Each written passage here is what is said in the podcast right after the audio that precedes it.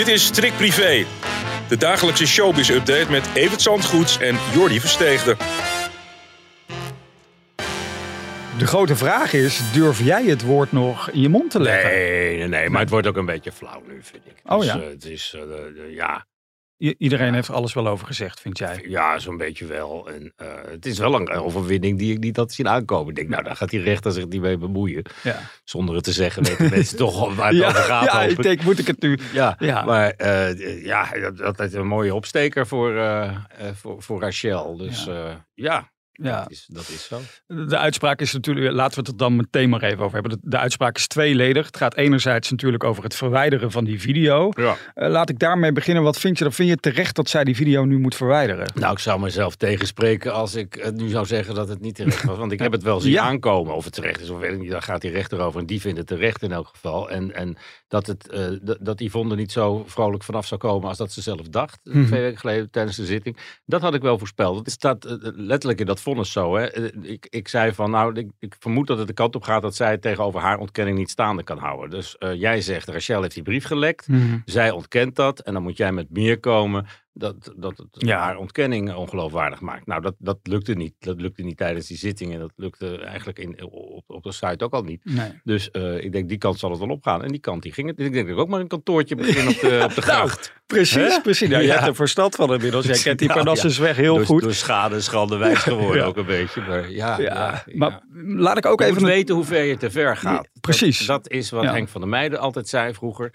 En die kan het weten, want die wist dat ook. En ik ben nu op een leeftijd dat ik het ook zo langzamerhand Ja, precies. probeer te, le- probeer te leren. Ja. Maar de rechter had het ook over een maatschappelijk belang. Van ja, eh, wat zij brengt eh, dient een persoonlijk belang, maar geen maatschappelijk belang. En, en heeft dat nog impact op de toekomst van Juice-kanalen? Ja, van Juice van ons allemaal. Ja, Ja. eh, maatschappelijk belang, daar Ja. Hm. gaat die rechter eigenlijk niet over. Het is journalistiek. En je hebt vrijheid van pers en vrijheid van meningsuiting in Nederland. En hij is behoorlijk aan het randje gaan zitten daarvan hoor. Volgens mij, van wat mag en wat niet mag. Mhm. Maar ja, wij doen dit werk natuurlijk ook al. eh, privé bestaat er bijna 50 jaar. En, Ja. en de pagina privé nog langer.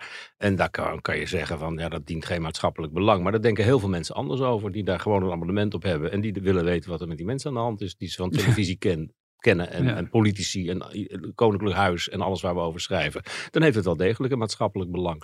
Hadden we Prins Bernhard maar eh, beter in de gaten gehouden destijds. Dan waren er eh, veel minder hofschandalen geweest. Maar verwacht je dat er nu veel meer BN'ers nog naar de, naar de rechter toe gaan? Nu ze dit lijstje hebben. Ja, ook dat is een beetje wat ik Ja. voorspeld heb. Hè. Ja. Toen mij in het begin gevraagd werd wat ik van die Juice-kanalen vond, dan zeg ik, nou, als ze maar niet overspoeld worden door de ene rechtszaak naar de andere. Want dat zijn kostbare grappen. Een kort Ja. geding.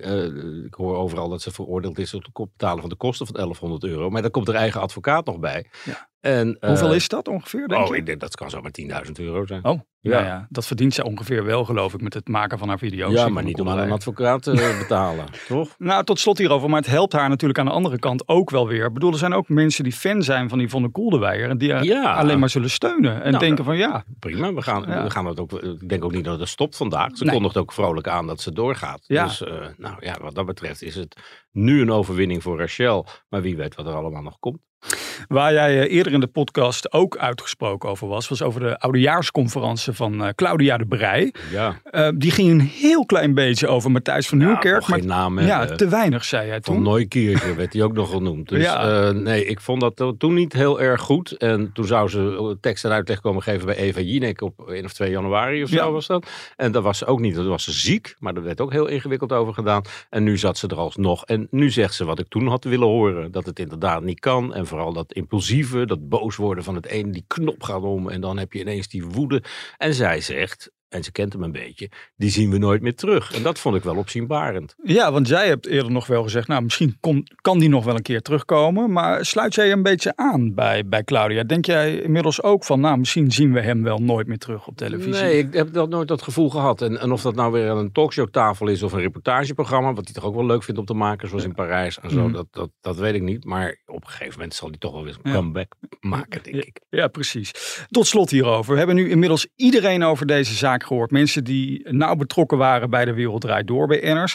Is het ook niet een beetje liefde maakt blind? Dat die presentatoren misschien toch wel stiekem iets geweten hebben, maar dachten, ja, we houden zo van Matthijs, zoals Claudia. Ze heeft er ook wel een deel van haar carrière aan te Ja. danken. Dat Of ze, het liefde ja. is of opportunisme, weet ik niet. Maar Ja. je weet wel dat zodra je je bek open trok aan die tafel, dat je nooit meer hoefde te komen. Daar heeft Jan Jaap van der Wal vorige week nog wat over gezegd. Dus ik denk dat er heel veel mensen hebben weggekeken en best een keer wat eh, zullen hebben meegemaakt. Al moet ik zeggen dat het meeste zich wel afspeelde op die redactie. En dan zijn de gasten er nog niet. Die komen het uur voor die uitzending binnendruppelen. Die gaan naar de make-up en die eh, bellen nog even met thuis. Eh, en andere mensen van wie ze vinden dat ze moeten kijken. Ja. Want ik zit in de wereld door. En dan ja. krijg je daar niet zo heel veel van mee. Maar eh, ja, het, het was toch wel een verhaal wat heel lang de ronde deed. En wat de abonnees van Privé al elf jaar eh, wisten in ieder geval.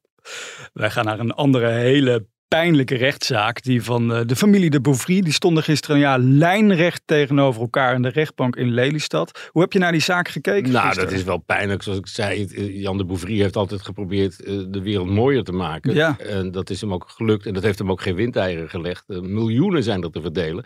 En de twee oudste kinderen uit zijn eerste huwelijk, die vinden dat ze veel meer recht hebben op een deel van die, van die, van die taart dan, eh, dan ze nu krijgt toegemeten.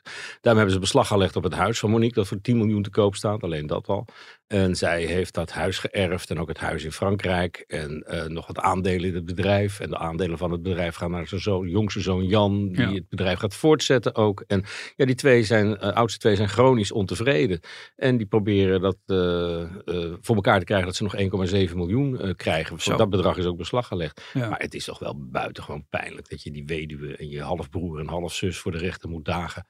En eh, ja, Het, is, eh, het- het- het is Jan een gruwel, eh, neem ik aan. Ja. En die zou zich omdraaien in zijn door hemzelf ontworpen grafmonument. Ja, je zag ook aan Monique gisteren bij die rechtbank beelden heb ik gezien. Ze had het er echt, echt moeilijk mee. Hè? Ze vindt echt dat het, dat het zover heeft moeten gaan dat ze nu...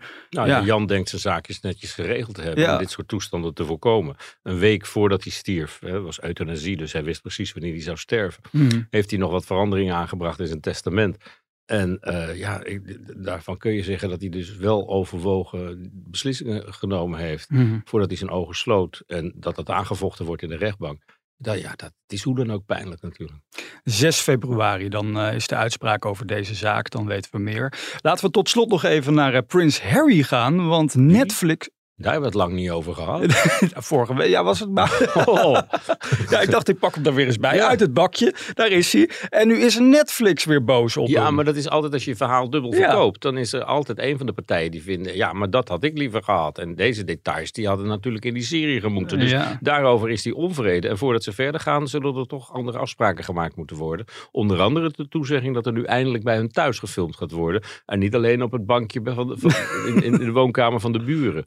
Dus eh, ja, dat is wel eh, een, een, een, gemis in die serie, vond ik het. Ja, nou ja, dat hoor je toch te zien. Netflix heeft er eh, genoeg voor betaald. Daarom. Dus, en en die, ja. le- die lezen dat boek met allemaal leuke dingen. En denken, waarom heeft hij dat bij ons niet verteld? Dus ja, die onvrede die is groot. En als zo'n kiem eenmaal gezaaid is, dan wordt dat vaak groter en groter. Ja. En zal het uiteindelijk leiden tot het einde van de samenwerking. Nou, ik kan jou verzekeren, we gaan het er nog vaak over hebben, over Prince Harry.